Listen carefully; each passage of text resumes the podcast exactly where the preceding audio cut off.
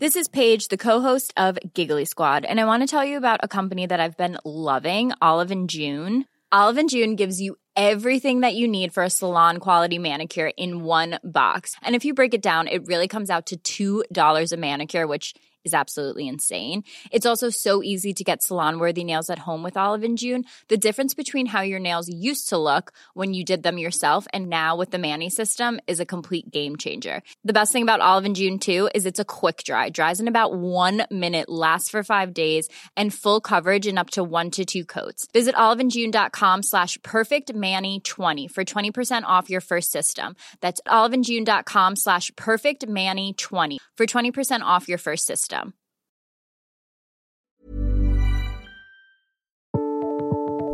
Ja, så har jo, oss har jo fått veldig mye plunder og heft, da.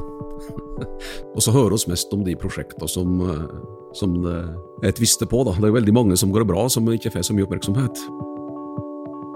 Men ellers er det vilje til samarbeid. Hvis fornuftige folk setter seg sammen og, og, og sier hør nå her, så tror jeg det går an å løse opp i det meste. Velkommen til Entreprisepodden, en Grette-podkast om samarbeid i bygg og anlegg. Entreprisepodden skaper en møteplass for store aktører, med fokus på hva aktørene kan få til sammen i 2020 og årene fremover. Mitt navn er Madeleine Bråten Bjåland. Med meg har jeg partner Jørgen Årdalsbakke. Velkommen. Takk. Vi har jo satt opp studio her hos oss på Filipstad brygge i Oslo. Og i dag skal vi møte mannen som leder bygging av ny rv. 325 mellom Løten og Elverum. 26 km med ny vei og landets korteste byggetid, to og et halvt år. 30. mai 2018 signerte Statens vegvesen kontrakt med OPS-selskapet Hedmarksveien AS. Skanska Norge er utførende entreprenør, og anleggsarbeidene startet 5.6.2018. Veien skal stå ferdig innen 1.11.2020, og OPS-selskapet skal deretter drifte og vedlikeholde veien i 20 år. Med oss i studio har vi mannen som leder det hele. Morten Vangen, velkommen til oss. Takk for det. Kan ikke du fortelle litt om prosjektet ditt? Ja, nå har du sagt litt allerede, men det er 26 km med ny vei. Det går i Løten Elverum kommune. Det er 16 km med fire felt, og cirka da, og, 10 km med to pluss tre og midtdeler. Tre planfrie kryss, to rundkjøringer, eh, to faunapassasjer, åtte bruer, totalt 28 konstruksjoner, og det er 7 km med gang- og sykkelveier. Det er mye dere skal utføre i løpet av disse, ganske, denne korte tiden? Ja, det er heftig omsetning. Det er, det er omsett for ca. 2 milliarder nå på et hvert år. Så det, det er mye penger i omløp. Mm. OPS, kan du si kort om det? Vi skal snakke mer om samarbeid men offentlig-privat samarbeid. Vi ser jo samarbeidsordet der. Hvordan fungerer det offentlig-private samarbeidet i prosjektet ditt? Ja, På Løten så fungerer det veldig bra. Eh, det er jo fordi at vi har fått til et samspill mellom partene der alle drar i samme retningen. Så, så, det er like mye faser i forkant som selve OPS-modellen, men den samhandlingsfasen som det var lagt opp til fra Statens vegvesens side, har vært veldig verdifull. Både for Vegvesenet og for, for entreprenør. Mm. Og Da tenker du på fasen før man ga tilbud? altså Rett og slett være med å diskutere og utvikle prosjektet, og også kunne ha en dialog før man gir tilbud på oppdraget? Ja, for at prosjektet blir knadd veldig godt. Du får tid til å gå igjennom, og du får belyst risikomoment, slik at entreprenørene er mye tryggere på prisen de gir. Ved at du går gjennom så detaljert som det blir gjort oppå der. Så, så den samhandlingsfasen i forkant, med konkurransepreget dialog, det har vært veldig vellykka. Og så inn i kontrakt, da, Morten. Altså, dette er jo et uh, stort prosjekt, det er mye som skal utføres, som vi snakker om. Men, men hvordan klarer man å tenke samarbeid i en uh, travel hverdag? hadde ei samhandling, som Statens vegvesen vanligvis har, to samlinger. Det skulle være tre, men det var nok med to. Uh, og hadde åpning for å ha den trea hvis det var nødvendig, men det har ikke vært. Uh, der det ble definert uh, ansvar og roller osv., slik at partene på en måte var enige om kjøreregler for prosjektet. og det har vært tatt opp igjen med jevne mellomrom, og, og, og minner hverandre på, slik at en sørger for at det blir fulgt. Dette, dette, med de ulike rollene, Morten. Eh, dere er jo et eh, OPS-selskap, og da med eh, entreprenører og rådgivere hos dere. Statens vegvesen er også et stort team. Eh, hvordan får man alle disse aktørene til å se samme retning, og trekke samme retning? Det måtte gå seg eget litt i starten. Litt ta og føle på, liksom å finne, finne rollen i starten, men, men han har, har, det i bakgrunnen at problemet er til for å løses, så løser en det meste. Liksom det, det så, så, det er jo nytt for meg, og, og det ble høsta mye erfaring fra det OPS-prosjektet som Skanska hadde i Orkdalen, så sa de nytte av det. Eh, men ellers er det vilje til samarbeid, det er det, det går mye på. Mm. Hvem er det som eh, leder prosessen i begynnelsen, i den eh, viktige samhandlingsfasen?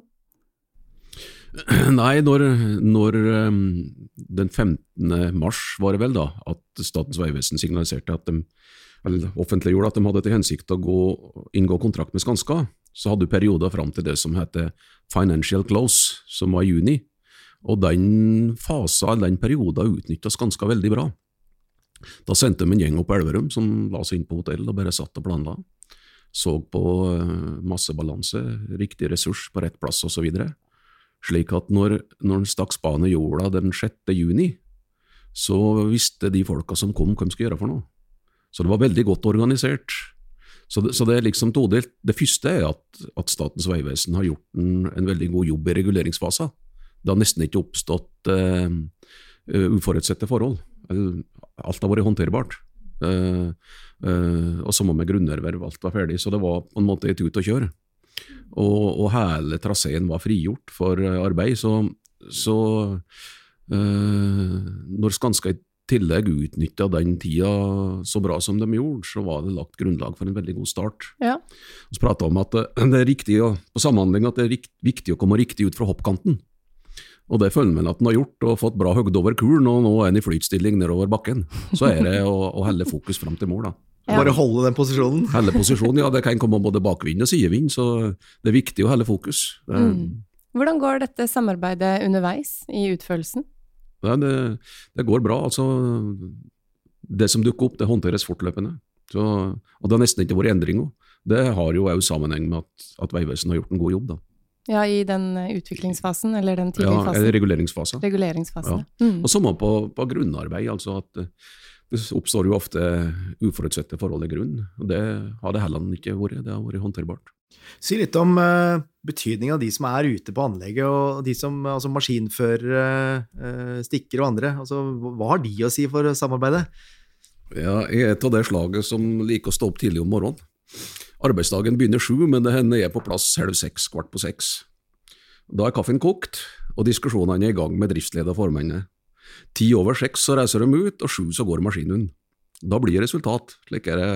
Så det er hardt arbeid og, og, og, og mye samarbeid, fordi at landskapet endrer seg jo fra dag til dag. Så der du grov, grov og lasta den ene dagen, er ikke nødvendigvis der du driver den neste dag. Så logistikkmønsteret er i stadig endring òg, så det er viktig å være på hugget. Men eh, det er positiv stemning. Uh, mye flinke folk og, og en positiv stemning på prosjektet, og da er et godt utgangspunkt. Hvor viktig er det for deg at man har rette folk på rett sted i et prosjekt? Nei, det er alfa og omega.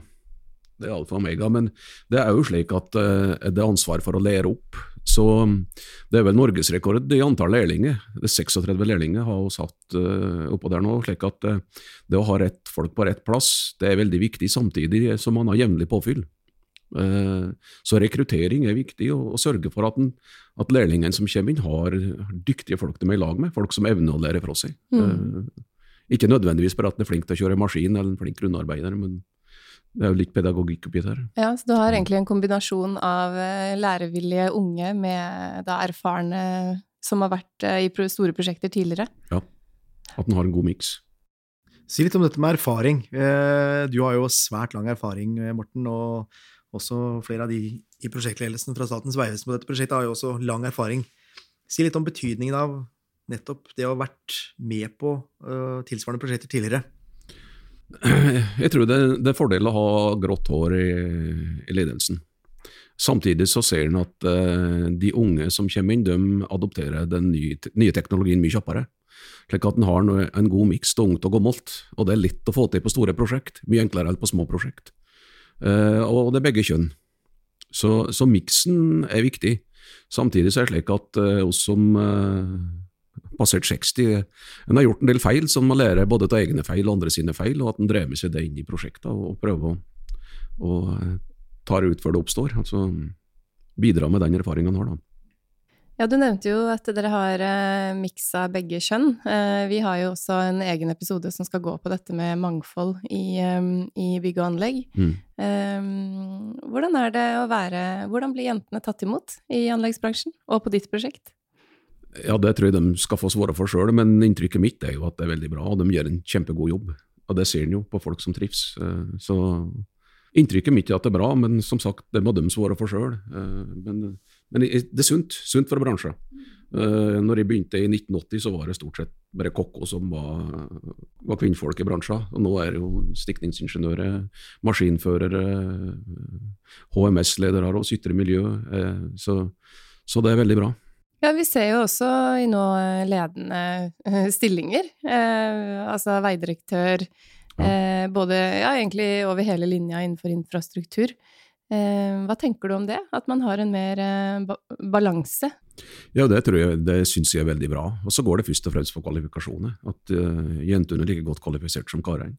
Og det ser en på maskinførere. Dumperkjørere. Veldig mye flinke maskinførere som, som, er jenter. Så mm -hmm. det er bra. Entreprisepodden er en podkast hvor samarbeid i bygg og anlegg er i fokus. Vår bransje er kompleks. Det som kjennetegner de aktørene som lykkes, er evnen til å se helheten i en problemstilling raskt. De som ser konsekvensen av ulike alternativer og klarer å ta gode avgjørelser. Du var inne på dette med grunnarbeid og maskinførere. Grunnforhold er jo en eh, kime til mange diskusjoner i spesielt anleggsbransjen. Eh, er det hva tenker du om grunnforhold? Klarer man å få til et samarbeid også der man ser at grunnforholdene er annerledes enn det man eh, kanskje hadde venta seg? Ja, det går mye på vilje.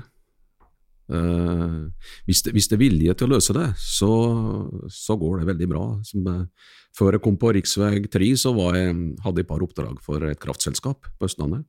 Da hadde rast seg sammen en tunnel, og, og kollaps Ras er vanskelig, det sa du nede i Vestfold nå.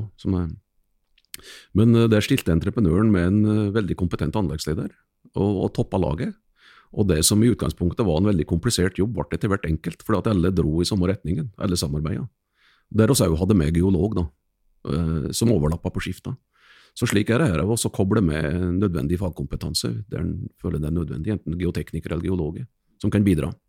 Så alt lar seg løse med en viss vilje, men noe er jo mer komplisert enn andre ting og vil ta lengre tid. Dette med vilje, for det er jo, det er jo slik at vi, vi, ser jo, leser i media at det er store tvistesaker, det er eh, sterk uenighet. Eh, hvordan kan man få løst alle disse problemene og tvistesakene? Og viljen, eh, er det noe med innstillingen på anlegget som, som kan gjøres, slik at man får den gode diskusjonen og kanskje får avklart disse sakene før det går til en rettslig behandling, i hvert fall?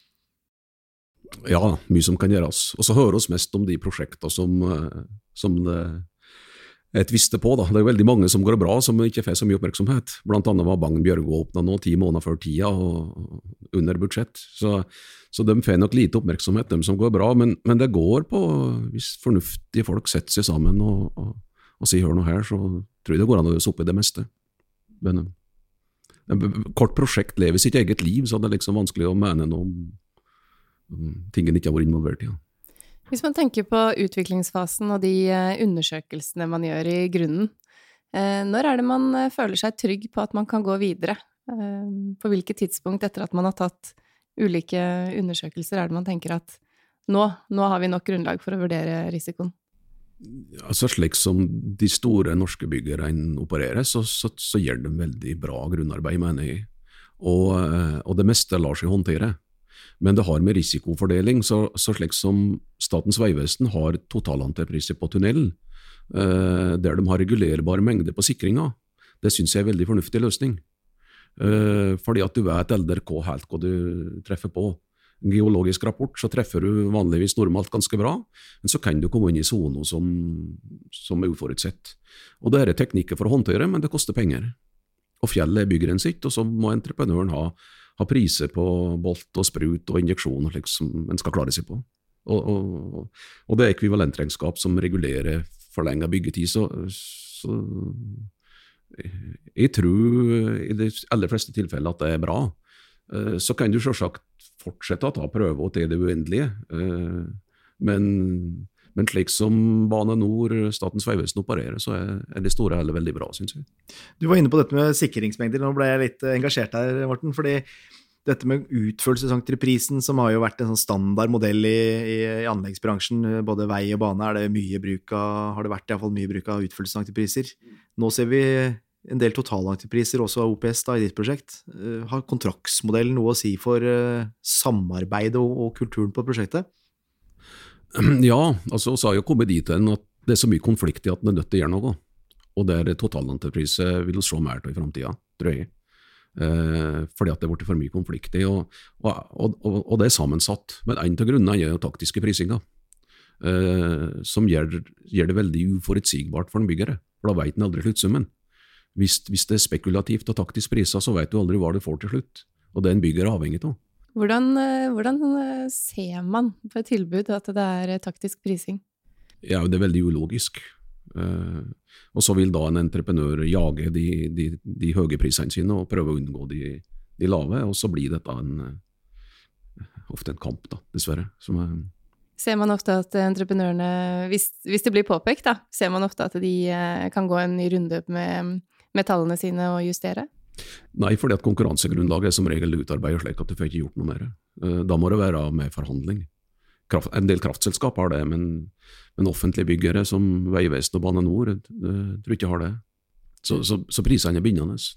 Hva er de største utfordringene, sånn som du ser det? Du nevnte sikring i tunnel. Er det andre ting som er eh, særlig sensitive for, for Eller som, som, bidrar til problemer, og kanskje også litt disputt mellom partene? Ja, så har jo, har jo fått veldig mye plunder og heft, da. så eh, jeg sa i en sammenheng at, at det er bortimot det. det skal en være veldig forsiktig med, men, men Eh, det er viktig at vi har fokus på god produksjon og god planlegging, og så må man ta de tingene som kommer. Og det er jo slik at er tegningen for sent levert, er det feil på tegninga osv., så, videre, så løses det hvis partene setter seg ned og, og bruker fornuft. Mm. Det med, det med for seine tegninger, som du nevner, da, eh, er det annerledes i totalentrepriser, sånn som du ser det? Får man en annen dynamikk mellom rådgiver og entreprenør enn det byggherre og, og rådgiver klarer? Jeg kan i hvert fall si erfaringa fra Løten at det har fungert veldig bra. Og så er det noen år siden sist de var på totalentreprise, da gikk det veldig bra. Men det, det, er jo igjen avhengig av at en har med seg en dyktig konsulent som leverer på tid og på plan. Uh, men på Løten så, så, har det kommet på tida hele veien, så, så det er ingenting som har blitt forsinka. Mm. Si litt om rådgiverens rolle, for det er jo et tema Madeleine, vi kommer tilbake til i en senere episode også. Men rådgiverens rolle i, i bygg og anlegg. Vi snakker jo ofte om partene i kontrakten, byggherrer og entreprenører, men uh, si litt om rådgiverne. Hvilken funksjon har de for å dra prosjektet framover? Ja, altså et, et, et dårlig konkurransegrunnlag, da. Det er jo ofte gjenstand for at det blir mye diskusjoner. Uh, og da igjen at de fleste kontrakter de går jo bra, de hører en ikke noe om. Men så har du en del klipp og lim eh, på konsulentsida, eh, der du ser at kanskje navn fra andre prosjekt inn i, i det nye konkurransene. og, og det er feil mengder, eh, dårlig gjennomarbeida. Det, det, er kilde til konflikt. Det gir en entreprenør grunnlag til å, å spekulere og prise taktisk, hvis en vil det. Men uansett så blir det mye endringer, fordi at det, det er dårlig gjennomarbeida, og da, da blir det mye diskusjoner. Så, så det er klart eh, Konsulentens rolle er viktig. Det, og, på hvilken måte kan eh, rådgiveren eh, dyttes enda lenger frem? Ja, Det vet jeg ikke om jeg har noe godt spørsmål på. Det er godt svar på, ikke godt spørsmål. Så, men det er samspillet mellom aktørene som at en får til det, og at de har, har kompetente folk å sette på. For, for, i likhet med, med, entreprenører ofte på store prosjekt, så, så opplever en at det kan bli stor strekk i laget. Du kan ha enkelte fagkategorier som er veldig dyktige, som kommer inn og leverer fenomenalt gode resultat, der, der neste fagkategori ikke har samme standard. Og det opplever en på konsulentsida, at, at, det er enkelte fag som, som, er veldig bra, og så er det ikke fullt så bra neste som kommer inn. Så, så at en klarer å holde standarden oppe, jevn høy standard, det er jo hvordan er det med tilstedeværelsen til rådgiverne, er de også til stede på anleggsområdet? Ja, på Løten så, så er det veldig mye tilstedeværelse. Uh, der òg entreprenøren har egen prosjekteringsleder, som er, som er, fast på plassen. Men det er litt individuelt, at hvor store er prosjekter, type prosjekt osv. Men, men stor grad av involvering, det har jeg tro på, for da får en løst ting fortløpende. Og så er det avhengig av at folk er beslutningsdyktige. Trygge og kan si ja og nei. Ja, der kommer jo erfaringen inn eh, sikkert også. Ja, det er samme, det er samme på byggeresida, og det er samme på eh, entreprenørsida. At, eh, at, det er folk som, som, tar beslutninger. fordi at uh, en beslutning bør aldri bli optimal, men du har et stort produksjonsapparat som må være i sving, og da må du si ja eller nei, og så må det gå. Du var inne på dette med plunder og heft i stad. Fremdriftshindringer er jo et tema som kommer opp i mange tvistesaker, og også behandlet i en rekke rettssaker. Eh, har partene, både byggherre og entreprenører, god kontroll på fremdriften på anleggene? Eh, jeg er kanskje mest, mest til at jeg har vært på byggeresida de siste åra, men, men, skal du behandle et plunder- og heftkrav, så er det veldig viktig at en har en god framdriftsplan. At du har ei logisk oppbygging, og at du ser, eh, ser hvordan entreprenøren har tenkt. Kan du gå inn og se. For det jeg har opplevd, er at du får ei lang liste med alt som er trist og lett, og så er det tenkt på et tall til slutt. Og da, da skaper du ikke noe godt klima for en god diskusjon. Eh, hvis det er vist forstyrrelse, om det er for sent leverte tegninger, endra grunnforhold osv., og, så videre, og viser hvordan det går inn, viser det på plan, hvordan det er forstyrra, så, så, er det enkelt for en bygger å ta tak i og så diskutere en realitet, og så prøve å komme til enighet. Så det, så det, å gå inn på det konkrete, altså hva det konkrete, er de konkrete ja. hindringene? nettopp. Men, men fremdriftsplanlegging, hvordan, hvordan, jobber dere med det på deres prosjekt? Altså med, med så mye eh, som skal gjøres i løpet av uh, nokså kort tid? Nei, det er egne dedikerte folk som sitter med det, og bruker både skråstrekplan og, eh, og Gant. Så, så, det er en hovedframdriftsplan. Eh, da både skråstrek og, og, gant, og så bruke en rullerende treukersplan i tillegg. Eh, og den blir sendt over ut til Vegvesenet for informasjon, slik at en ser kommende aktiviteter. Og, og som man har samme bilde Som man har samla bilde på, ja. ja. Og så logger en framdrifta hver måned, så en ser hvordan det ligger an. Samarbeid er jo også et uh, stikkord i en litt annen uh, del av uh, prosjektene. Det er nettopp samarbeid mellom aktører, altså entreprenører som kanskje ønsker å gå sammen for å utføre et prosjekt. Mm. Si litt, om, si, litt om, mulighetene for samarbeid, sånn som du ser det, Morten. Ja, altså Historisk så har den norske anleggsbransjen lange tradisjoner for samarbeid. Og etableringen av Norwegian Contractors, Contractors da, er muligens den største suksessen som har skjedd i norsk byggenærings historie, i hvert fall i nyere tid. Eh, og Senere har det vært etablert mange arbeidsfellesskap som er tilpassa prosjekter og ressursene de ulike firmaer rår over. Så eh, På 80-tallet så samarbeidet f.eks. Veidekke og det som heter Selmer for Rolmen. Det kunne være en stor jobb som kom ut, der det var eh, både tunnel og betong.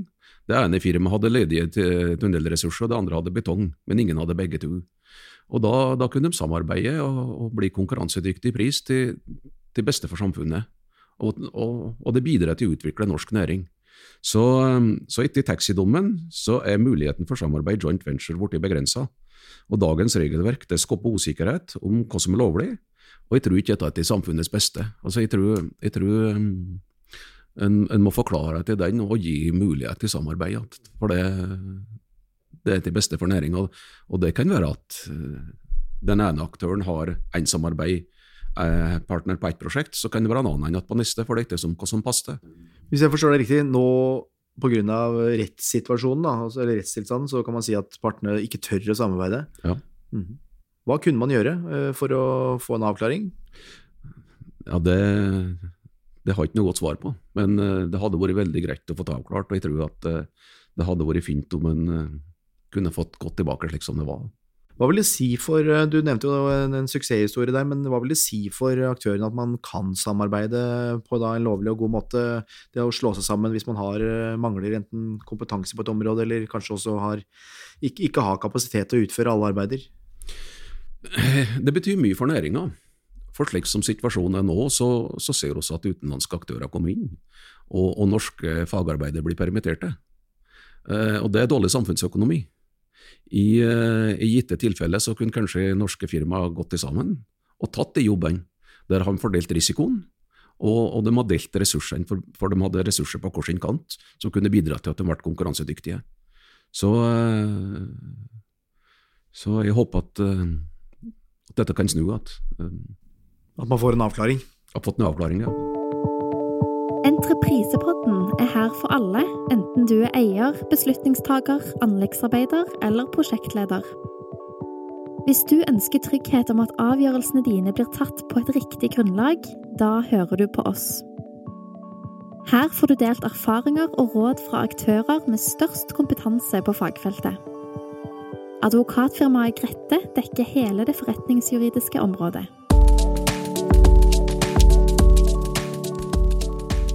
Det med samarbeid som vi stadig kommer tilbake til, eh, opplever du at eh, det er lønnsomt? Altså samarbeid i, i uh, gjennomføringen av bygg- og anleggsprosjekter? Lønner det seg å være den som er innstilt på, på et uh, godt samarbeid? Ja, alle de prosjektene som vi har vært på, som, de beste prosjektene er jo der det har vært godt samarbeid. Uh, uavhengig om å jobbe som entreprenør eller byggere. Så, så det er ubetinga ja. Og jeg ser jo på Løten nå, så har jo Statens vegvesen jobba i mange år med reguleringsfaser og har veldig mye kunnskap som entreprenøren drar nytte av nå i, i gjennomføringsfaser, fordi at, fordi at, det er godt samarbeid. Kan vi rett og slett si at uh, samarbeid er lønnsomt? Ja, ja. Det er ubetinga. Nå ser vi også samspillskontrakter som kommer opp, og det er også andre modeller eller varianter. Men må man bruke den type virkemidler for å få til et godt samarbeid? Nei. Nei da. Eh, før jeg kom på Løten. Jeg drev eget firma da en del år, eh, og hadde to oppdrag for, eh, for Eidsiva. Det ene var en tunnel som vi nevnte i stad, som rasa. Den andre var en dam i Mesnavassdraget. Begge enhetspriskontakter. Begge var levert uten fraværsskade, eh, på kortere byggetid og, og med lavere sluttsum eller anbudssummen. Så det noe Det går godt an. Hva fungerte godt på de prosjektene? Nei, Det var vilje til å løse problem, uh, først og fremst. Og da løser en det meste. Apropos vilje, du, du, du, har brukt det et par ganger. Eh, på, på Løten-prosjektet så har jo dere gått inn med en eh, klimasertifisering, eller en sequel-sertifisering, som ikke var stilt krav om, men egentlig et bidrag som dere kom med inn, og som en kvalitet hos dere. Kan du si litt uh, hva det er for noe? Nei, Det er noe, det er noe Skanska satser på, for at de sier at det, de må satse på bærekraft framover. Eh, en, en, ting er at det vil komme i kontraktene, men de ser det som nødvendig. Eh, så, så slik som miljøbetong, det har jo vært brukt en stund. Eh, der du reduserer sementen med 30% og går inn med flygaske og silika. Eh, det er stuttrest asfalt. En Arne Brimi prater om stuttrest mat, vi prater om stuttrest materiale. Eh, for at det rigger eget asfaltverk på plassen, bruker lokal pukk, eh, og bruker låg temperatur. Eh, bruker trebruer eh, med lokalt, altså det, det er fra Løten og Ringsaker elvemenning, og det som styrker skogindustrien, og, og samtidig industriarbeidsplasser på Målven. Eh, det handler om bærekraft, og, og det kommer mer og mer fra ledelsen i Skanska, slik at dette er satsingsområdet. Er det noe dere jobber sammen med byggeieren om også, dette med å redusere ja. utslippene fra, fra, anlegget? Det som er spesielt for Sequel på Løten, det er at det holder Team Award. Altså, det ble Sequel-sertifisert i Wellershaug på Brang Bjørgo, men uh, det som skjer på Løten, er at byggeren er med, så, så, det er nytt. da. Det blir jo Sequel-sertifisert for Hold Team Award, så blir det første prosjektet i landet. Det er interessant, og da er det mm. hele teamet som bidrar, både på byggherre- og entreprenørsiden, mm. og det er dere som sånn sett har slått an tonen her. Det, det, er, det er, interessant. Hva, hva, føler dere at dere får igjen for uh, å tenke på bærekraft og, og klima? Vi har hatt mye, og så ser vi at eh, medarbeiderne blir motiverte for det. Uh, og til mer informasjon de får, til mer motiverte blir de. Så, så det med håndtering og at Alongskiferen òg, der har vært mye pionerarbeid.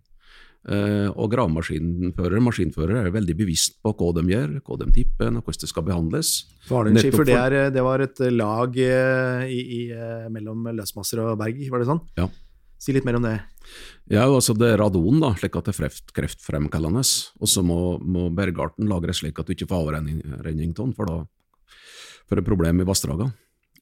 og så hadde du et lag over selve bergarten, eh, som er ved syredannende masse som skallet, som ble håndtert på plassen. Det var i samarbeid med NGI ble engasjert, og, og så på det. De laget en rapport som ble akseptert hos Fylkesmannen. Og, eh, og funnet veldig gode løsninger på håndteringa av både talung og, og syredanna masse. Som, der har vært en del nybrottsarbeid, og ser at motivasjonen hos medarbeiderne er veldig stor for at dette skal bli bra. Så, der informasjon er viktig, at en får ut budskapet til dem som skal gjøre jobben. Men uh, jeg vet også at entreprenørene er veldig opptatt av hvordan de blir uh, premiert for å um, satse på miljø. Mm. Uh, kan du si litt om det? Nei, jeg, jeg, tror at store byggere vil ta inn dette her mer og mer i, i konkurransegrunnlaget framover. Og, og, du må vise at du leverer på miljø.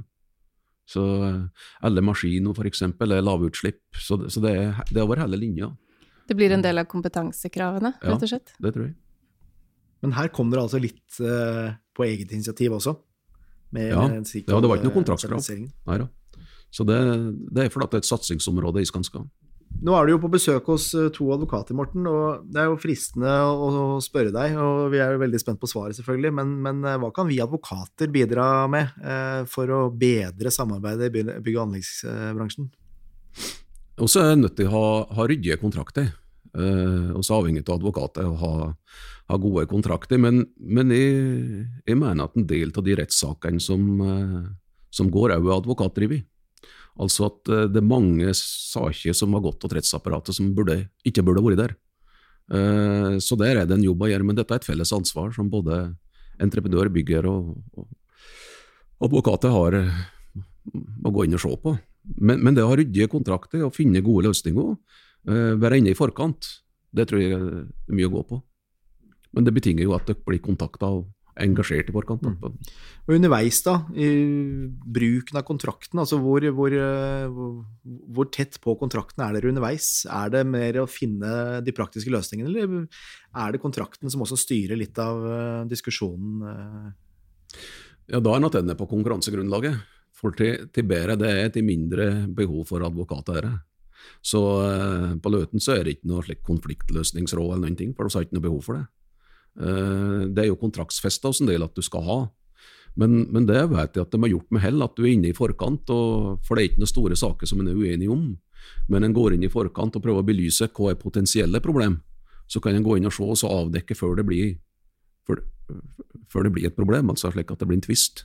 Prøve å ta det ut i forkant. Mm, uh, ta tyren litt ved hornet, rett og slett? Ja, ja. Eh, I våre kontrakter så har vi jo lagt opp til at man skal løse konfliktene på prosjektnivå, eh, sånn at man ehm, løfter færrest mulig saker opp til rettsapparatet. Kan du si litt om det, hvordan det er å løse ting eh, i prosjekt?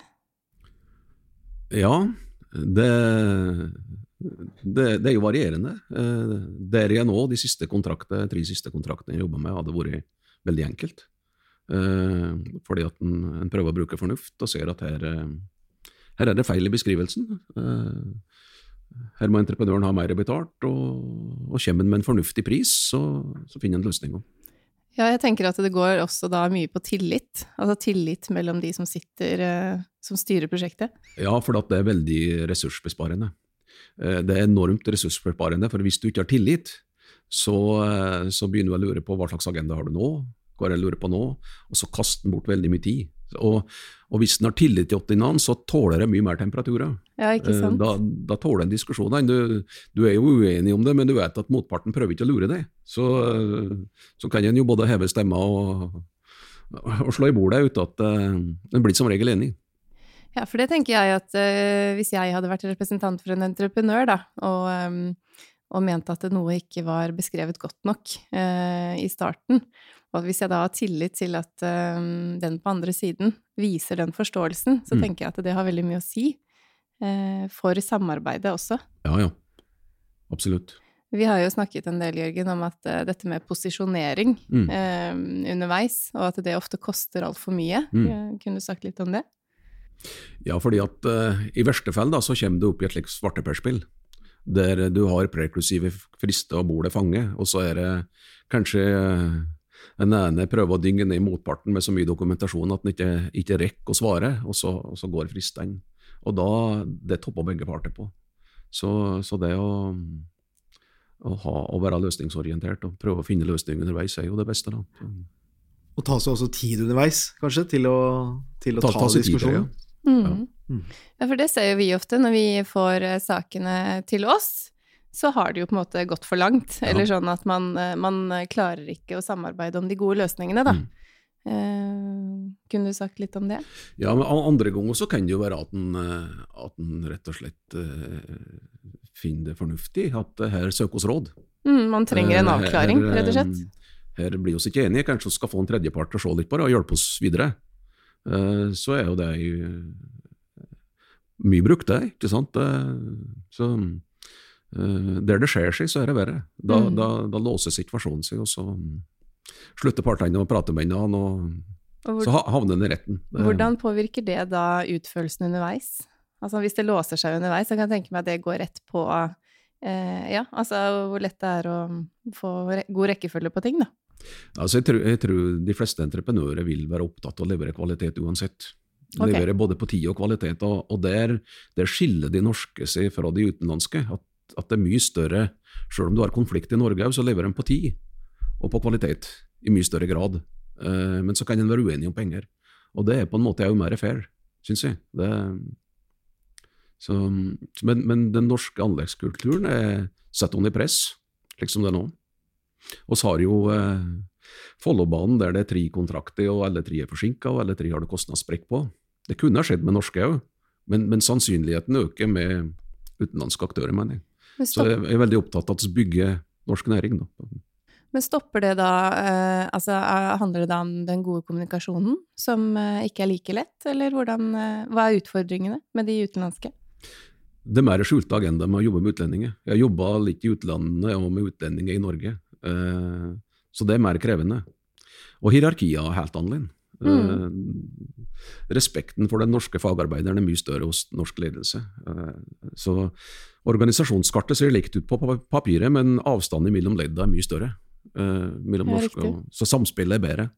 Du nevnte at uh, organisasjonskartet så likt ut, men, men man jobbet uh, ulikt. Er det, er det da samarbeidskulturen som er forskjellig, da? Ja, og det er stor forskjell. Eh, og det går, jeg nevnte respekten for fagarbeideren, altså avstanden mellom ledda er veldig stutt i det norske anleggsbransjen. Uh, der vi gjerne setter oss ned og tar en kaffekopp, og uh, uhøytidelig, og så er det en ganske flat struktur, uh, mens det er veldig hierarkisk med utlendinger, litt avhengig av hvor de kommer fra. Men eh, eh, jeg jobba på et prosjekt borti England for en norsk entreprenør, og det resulterte i at vi måtte ta over flere nordmenn, fordi at norske fagarbeidere er til å stole på. De stiller klokka seks, er på jobb, er til å stole på. Så engelskmennene kunne være gode når de var der, men du visste aldri hvor mange som kom på jobb, og det var veldig stor, eh, stor forskjell på folk. Så, så det kosta mer med, med å ta over nordmenn, men det var totalt sett billigere. Hvis vi kan snakke litt om eh, en eh, god kultur på arbeidsplassen, eh, Morten. Ja, altså kultur det skapes av de, de folka som er i prosjektet. Der sunne holdninger er veldig viktig. Og jeg mener at gode ledere, det, det avler gode medarbeidere. Som Nils Arne Eggen sier, å spille inn han gode. Det, og får til liksom stemning for det, så blir det bra. Det, så så kulturen lages av dem som er der, men, men det er viktig at, at en har en overordna policy. At slik er hos det hos oss, her skal det være skikkelig. Eh, At ledelsen står fram, at det ikke bare er festtaler. Ja, for du er jo leder, eh, daglig leder i eh, OPS-selskapet.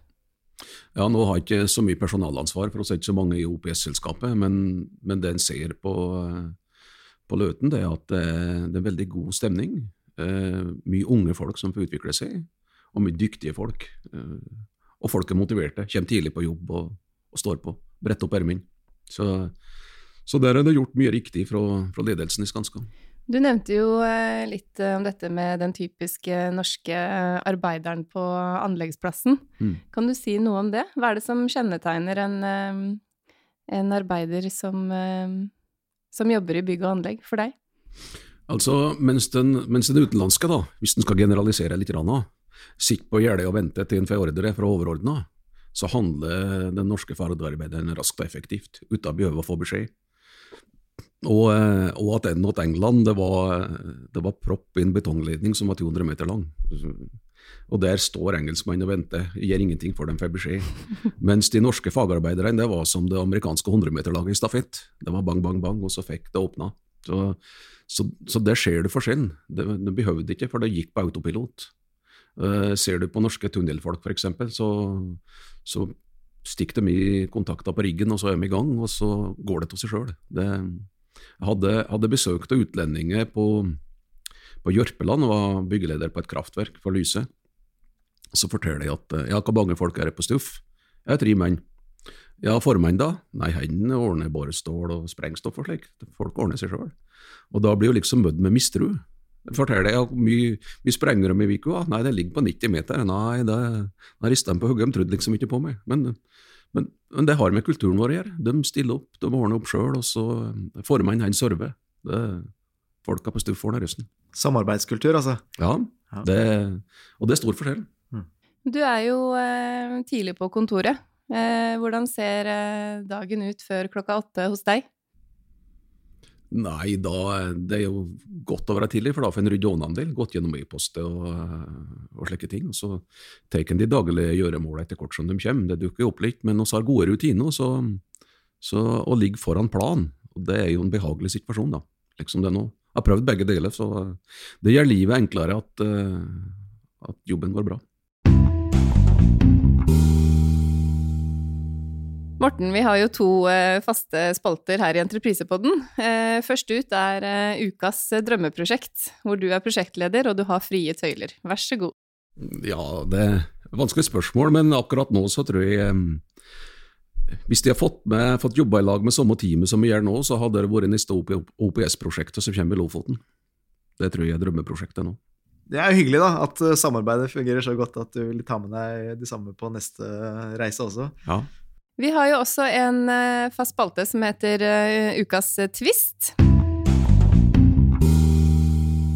Da skal du få lov til å bytte jobb med hvem du vil, for en periode så lang du vil. Ja, Akkurat nå så tror jeg det har vært å bli styreleder i Nortura, for de ville ha reversert eh, nedlegginga av slakteriet på Otta. Det er 80 arbeidsplasser som er sårt trengt i Gudbrandsdalen. Opptatt av distriktspolitikk, så akkurat nå hadde det vært det. Som en liten eh, hilsen fra Jørgen og meg, så um, ønsker vi å gi deg en liten oppmerksomhet. Og du har jo um, eh, ønsket deg en bok. Den er skrevet av Kristine Meyer og Viktor Nordmann og heter Ikke for å konkurrere. Ja, altså um, Jeg har bare lest omtalen av boka, det er derfor jeg ønsker meg henne. Og, og litt opptatt av hva som er det beste for samfunnet. Uh, jeg tror ikke alt skal konkurrere utsettes. Jeg tror noe skal være statlig, og noe, må, noe skal konkurrere på. Så eh, det er bakgrunnen til at jeg ønsker meg boka. Jeg gleder meg til å lese den. Det har vært en eh, glede å ha deg eh, her, Morten. Jeg sitter igjen med et utsagn du hadde, dette med vilje til samarbeid, Morten. Mm. Det oppsummerer mye av det du har snakket om. Ja, da løser det meste seg. Ja. Vi er veldig glad for at du ville ta turen til oss og snakke med oss. Takk skal du ha, Morten Vangen. Ja, takk for at jeg fikk komme. Entreprisepodden er her for alle, enten du er eier, beslutningstaker, anleggsarbeider eller prosjektleder. Hvis du ønsker trygghet om at avgjørelsene dine blir tatt på et riktig grunnlag, da hører du på oss. Her får du delt erfaringer og råd fra aktører med størst kompetanse på fagfeltet. Advokatfirmaet Grette dekker hele det forretningsjuridiske området.